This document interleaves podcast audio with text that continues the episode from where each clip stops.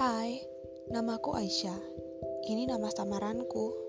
Di podcast ini, aku mau menceritakan mengenai hubunganku dengan pacarku. Yang kalau teman-temanku bilang sih, ini toxic relationship.